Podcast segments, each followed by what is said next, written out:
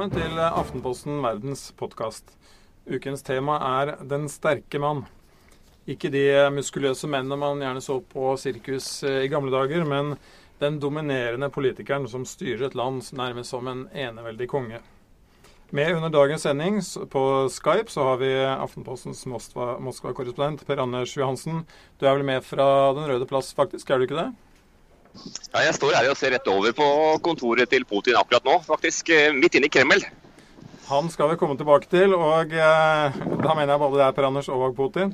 Og eh, fra eh, USA så har vi med Aftenpostens korrespondent i New York, Kristoffer Rønneberg. Du har rukket å bli klar? Jeg er klar, ja. Ja, det er bra.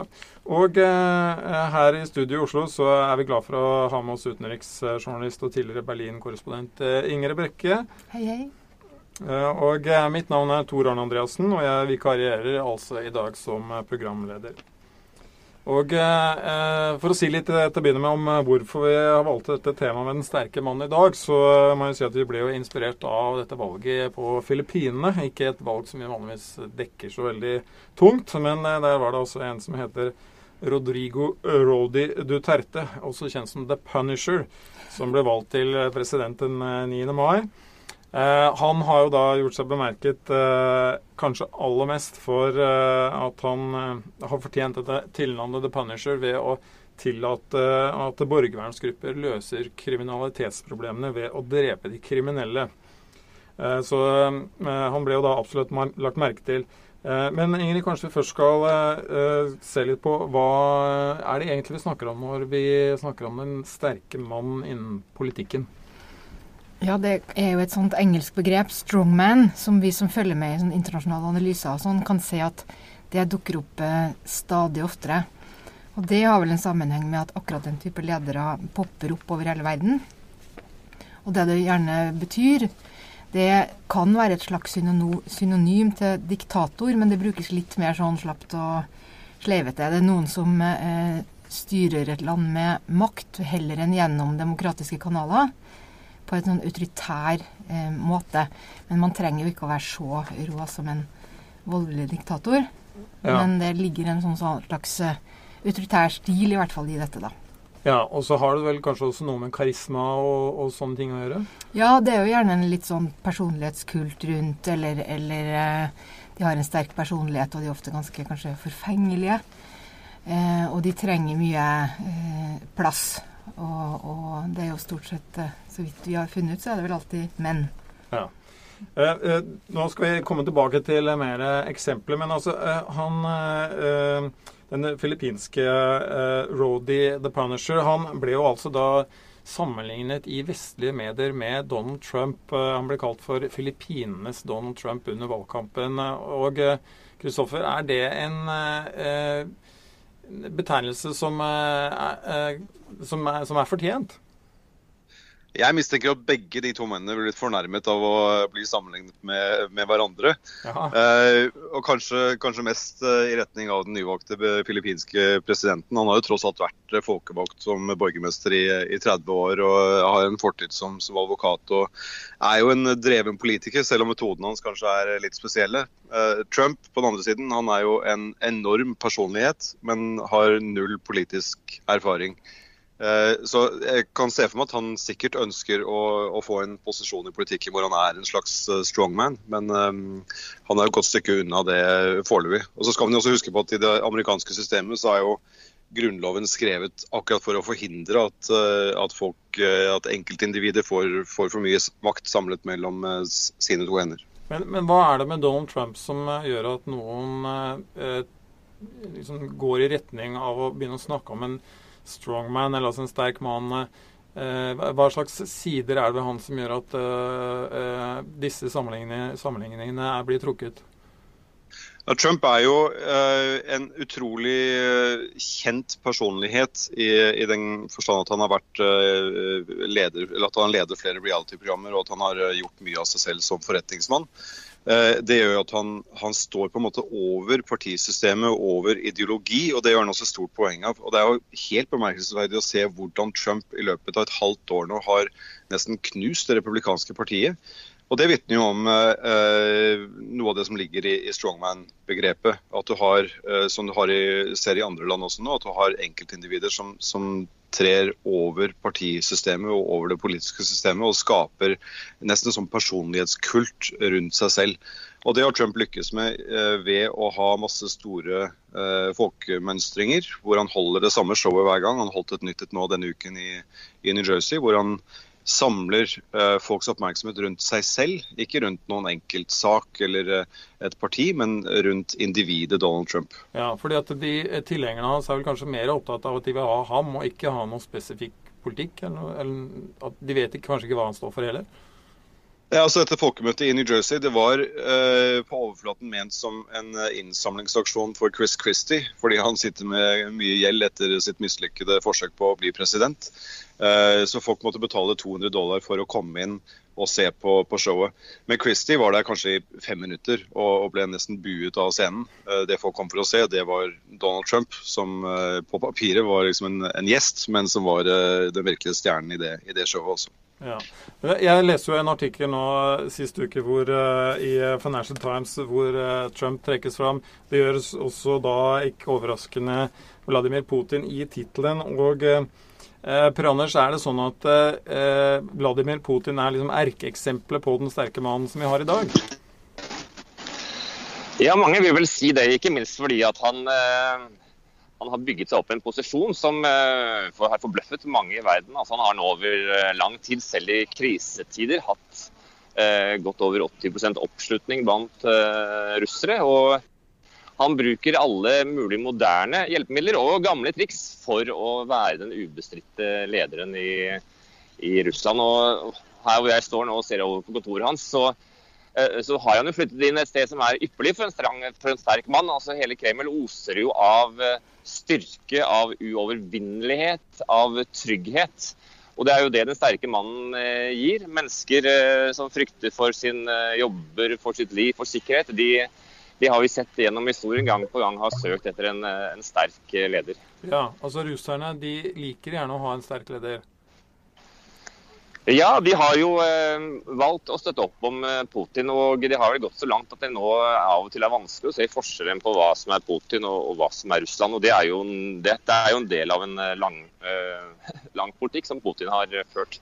Det som er jo interessant også, synes jeg, er jo at uh, mange av demokratene, de liberale kreftene her i Russland, er jo veldig desillusjonert. Og de vender jo sitt raseri ikke bare mot Putin, men også mot folket. Som de opplever som kunnskapsløse, som uinteresserte i at de annerledestenkende, at de opposisjonelle, de uavhengige journalistene tas én etter én. Og eh, denne, Det som er en interessant side ved hele diskusjonen rundt den sterke mann, nemlig at i mange land så rett og slett gitt opp folket. Og det tror jeg er en veldig uh, uheldig utvikling. Ja, eh, Praners, eh, er dette en, et særegent fenomen i Russland, eller ser vi det i nabolandene?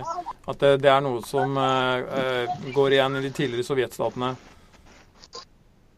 I alle de tidligere sovjetstatene eh, østover så sitter det nå sterke, egenmektige menn som eh, styrer landene nærmest som eh, gamle sentralasiatiske kongedømmer.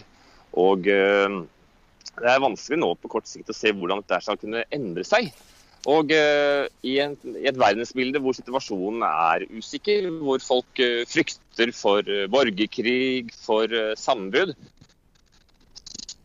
ja. Per Anders, jeg lurer på om vi skal bare vente litt med resten fra eh, den tidligere Sovjetunionen. Og så vil vi snakke litt om Europa, Ingrid, mens, for det der hører jeg i hvert fall. Ja, og eh, eh, mens man altså i, i det tidligere Sovjetunionen har eh, hatt en fremvekst av mange eh, ledere der som sitter i tiår etter tiår, så har man jo ikke det samme i Europa. Og, og i hvert fall ikke i Det er ikke noen trend. Og eh, hva tror du det kan skyldes? Nei, Det er jo fristende å si at vi, Europa ble jo herja av to ekstreme ekstremeksempler av sterke menn, Hitler og Stalin, eh, under andre verdenskrig, før og under andre verdenskrig. Og lærte kanskje en slags lekse. men nå er det jo mange som mener at det er noen små, sterke menn som popper opp her og der. Og, Som eksempel? For eksempel, for eksempel Orban i, i Ungarn. Eh, Kaczynski i Polen, som er sånn, eh, en av de sjeldnere eksemplene på sterke menn, nemlig de som egentlig er litt sånn bak kulissene, som ikke har en, en formell eh, posisjon. Mange vil jo kanskje også kalle Berlusconi eh, at han var en sånn type politiker, selv om også Italia er jo et så solid demokrati at det var begrensa hva han kunne få gjort. Da, men han hadde liksom personligheten eh, til det.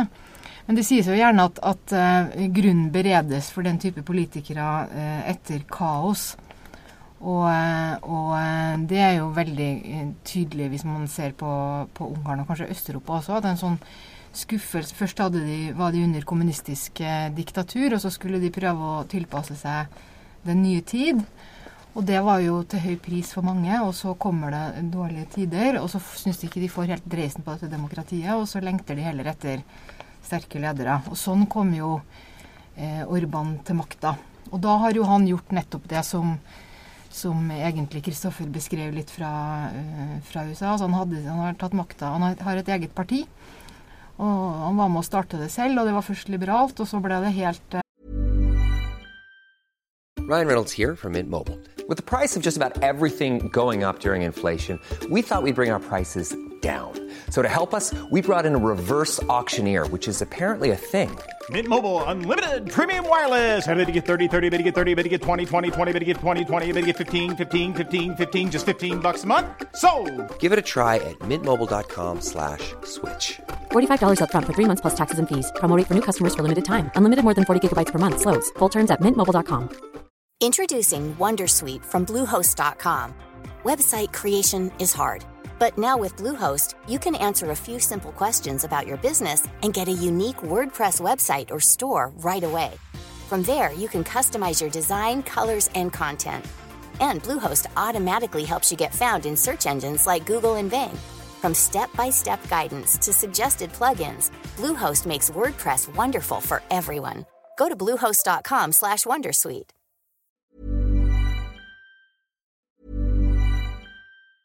Normally, being a little extra might be a bit much, but not when it comes to healthcare. That's why United Healthcare's Health Protector Guard fixed indemnity insurance plans, underwritten by Golden Rule Insurance Company, supplement your primary plan so you manage out of pocket costs. Learn more at uh1.com. Introducing Wondersuite from Bluehost.com.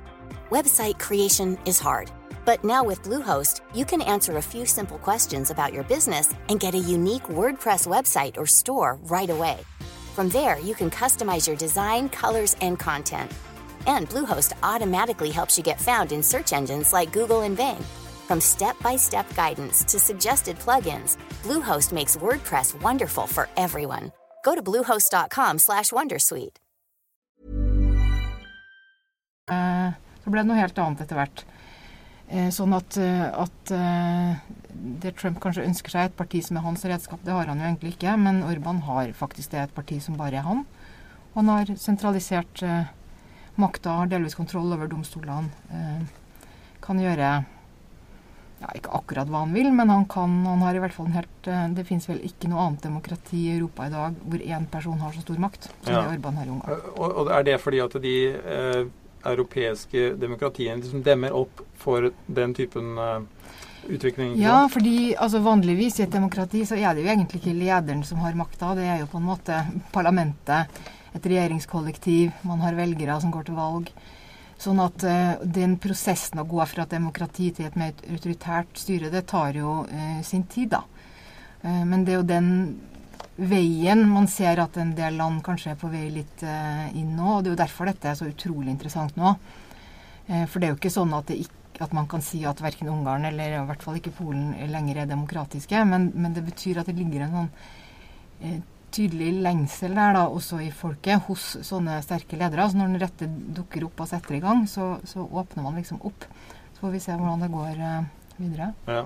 Med tanke på dette med eh, de sterke altså Demokrati er altså noe som demmer opp for en slik sterk mann. Og i USA så har man jo eh, institusjoner og eh, tradisjoner for at demokratiet skal eh, og makten skal fordeles. Og Kristoffer, eh, hvordan forklarer man da at Trump har fått den posisjonen han, han har blant, blant, en del velgere?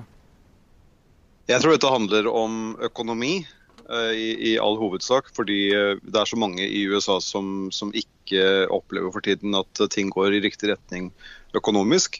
Og det er det Trump utnytter. Han, han snakker om de gode gamle dager. Han snakker om å 'make America great again'. Og, og again, det indikerer jo at, at, han skal hente tilbake noe som eksisterte i gamle dager. Kanskje det industrialiserte USA hvor, hvor man hadde en kjernefamilie hvor far var på jobb og mor var hjemme. Og, og folk med en annen hudfarge de, de så man ikke noe særlig til. Og, Det er jo denne nostalgien som ligger i, i Trumps vekst. Det er jo som, som, du sier, så er det jo vanskelig for ham å faktisk oppnå den makten han ønsker, å gjøre alle de tingene han skal si. altså Hvordan skal, hvordan skal Trump bygge denne muren mot Mexico? Hvordan skal han kaste ut alle ulovlige innvandrere? Hvordan skal han holde alle muslimer ute fra, fra landet? Hvordan skal han bli kvitt alle handelsavtaler? Mesteparten av det han foreslår er jo ting som Kongressen må vedta. Og Foreløpig så tror jeg ikke selv Trump har funnet en måte å omgå Kongressen på. Vi har jo sett under Obama hvor eh, vanskelig det kan bli når Kongressen og presidenten står på, på hver sin side. Men jeg tror, eh, jeg tror at forholdene er tilrettelagt for en type som Trump. Og Det er også noe som eh, samfunnsforskere som f.eks. Noam Chomsky har snakket om i mange år. Jeg tror Allerede på slutten av 2000-tallet så sa han at vi mangler bare én karismatisk leder for å overta hele det politiske systemet. fordi det Misnøyen er så stor i en så enorm del av befolkningen. Altså Fort man får én person med massiv karisma, så vil den personen klare å trekke med seg millioner av mennesker. Og Jeg tror det er akkurat det vi har sett Trump gjøre nå. Men hva han faktisk kan gjøre med den makten, hvis han da mot formodning skulle bli valgt til president, det, det er fortsatt et åpent spørsmål. Der er det veldig mange hindre i veien for en, for en sterk mann. Ja, okay. Men er det altså historiske paralleller, mener du, da, for at eh, når det går eh, dårlig økonomisk, så eh, er veien kort til de enkle løsninger og det behovet for en sterk mann melder seg? Hvis man skal bruke F-ordet, altså snakke om fascisme, så ser man jo at på verdensbasis så var 30-tallet en gunstig periode å forsøke å kuppe til seg makten på. Etter børskrakket i, i 28 så, så, var økonomien eh, skadeskutt, og folk var redde for eh, sin egen økonomiske nåtid og fremtid. Og da var det lett for folk å komme, eller lettere for folk å komme inn og si at eh, gi meg litt mer makt, så skal jeg sørge for å ta de betydelige grepene som må gjøres for å gjøre hverdagen deres bedre. Og så ser vi litt av det samme nå, tror jeg, i og med at vi de siste fem-seks årene har sett en fremvekst av, av uh, folk som tar til seg mye makt på et globalt nivå. Uh, vi har vært innom et par av dem i sendingen hittil, og det, det fins mange flere rundt om, i, rundt om i verden. Og det tror jeg helt sikkert ha en sammenheng med, med finanskrisen som inntraff i, i 2008. At det er uro i markedet. Folk er ikke trygge på sin egen økonomiske situasjon. Og det skaper grobunn for uh, folk som ja, Erdogan eller Orban eller, eller uh, Putin. Per Anders, uh, hvilke andre årsaker er det man kan se til at disse sterke mennene får det spillerommet de får? Altså, vi kan jo ikke snakke om dette temaet uten å ta et oppgjør med vår egen stand, med mediene. Vi ser jo at de sterke mennene behersker de nye mediene og TV-mediene veldig godt. Det er jo nærmest en forutsetning. Og de sterke mennene får ofte mer oppmerksomhet enn eh, andre mer skal vi si, kjedelige Eh, seriøse mm, politikere. Så i et eh, overfladisk eh, mediesamfunn så er, gro, altså er, forholdene nesten perfekte for sterke menn til å skjære igjennom, presentere enkle løsninger, levere budskap som du får inn i en kort TV-mening, altså kort TV-kommentar. Og Det er det jo mange av oss journalister som burde kanskje diskutere og tenke litt over. Eh, og Samtidig så er det jo grunn til å være litt oppgitt over at sterke menn klarer å vokse frem i en tid hvor vi altså har eh, tilgang til informasjon, eh, også her i Russland hvor jeg bor, på en helt annen måte enn noensinne. Altså Hvorfor bruker ikke menneskene anledningen til å holde seg orientert og gjennomskue de enkle løsningene? Det er jo det samme i samme i USA, og det er utrolig fascinerende hvordan eh, folk ser ut til å ikke benytte seg av de mulighetene de har med internett. Det var en måling nå i høst for eksempel, som viste at to tredjedeler av Trumps tilhengere uh, sier at de mener at uh, Obama er muslim, og at han ble født i utlandet. Ja, og, men, og uh, Ingrid, det er vel sånn at typer som Orban f.eks., de bruker bevisst mediene for å spille opp under den rollen de ønsker å, å, å fremstille seg selv som? Ja, det er jo veldig viktig for en sterk mann at han har en sterk ytre fiende. Før kunne de jo drive med krig, men det er det jo heldigvis mindre av nå. Men da det, det er veldig påfallende Jeg står jo på mailinglista til, til Orbans kontor. Og hver gang han har holdt en sånn ekstra provoserende eh, tale om eh, at det kommer horder av eh, altså millioner av afrikanere til Europa, eller et eller annet annet som man vet får liberale journalister til å gløde, da sender de ut en, eh, engelsk, en engelsk oversettelse umiddelbart. Og så kan han da til gjengjeld bruke dette hjemme da, og, og, og, lage et nummer ut av at alle er ute etter Ungarn og sånn, og så tjener han på det.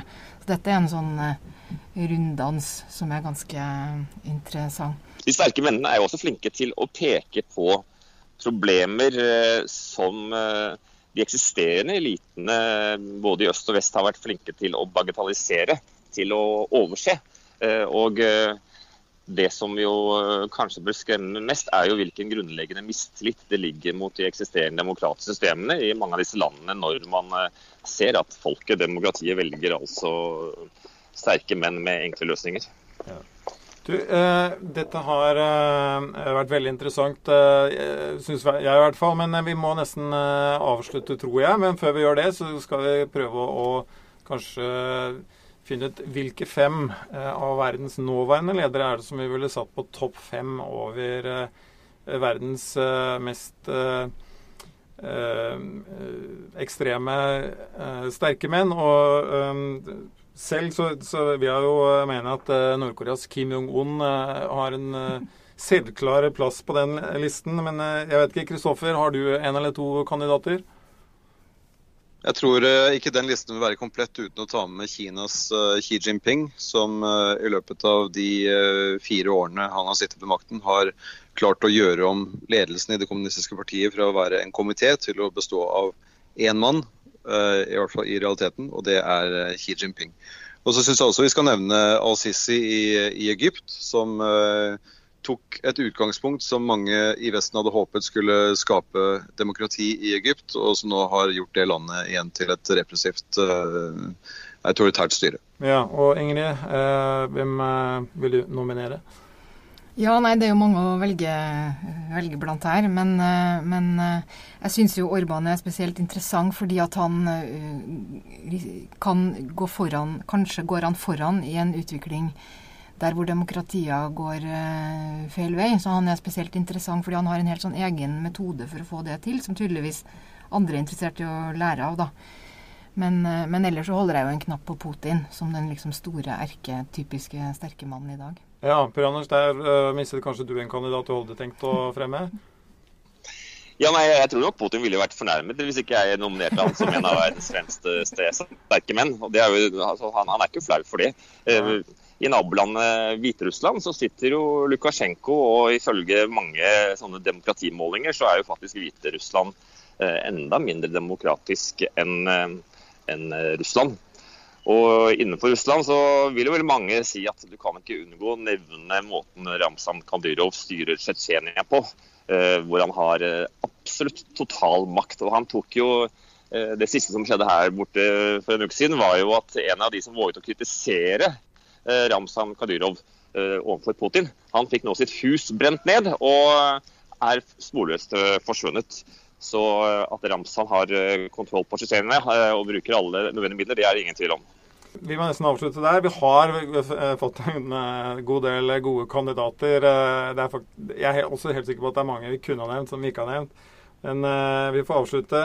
Eh, lytterne kan også finne tidligere utgaver av eh, våre podkaster ved å søke etter Soundcloud og Aftenposten Verden. Neste utgave av podkasten kommer om eh, en uke. Takk for nå.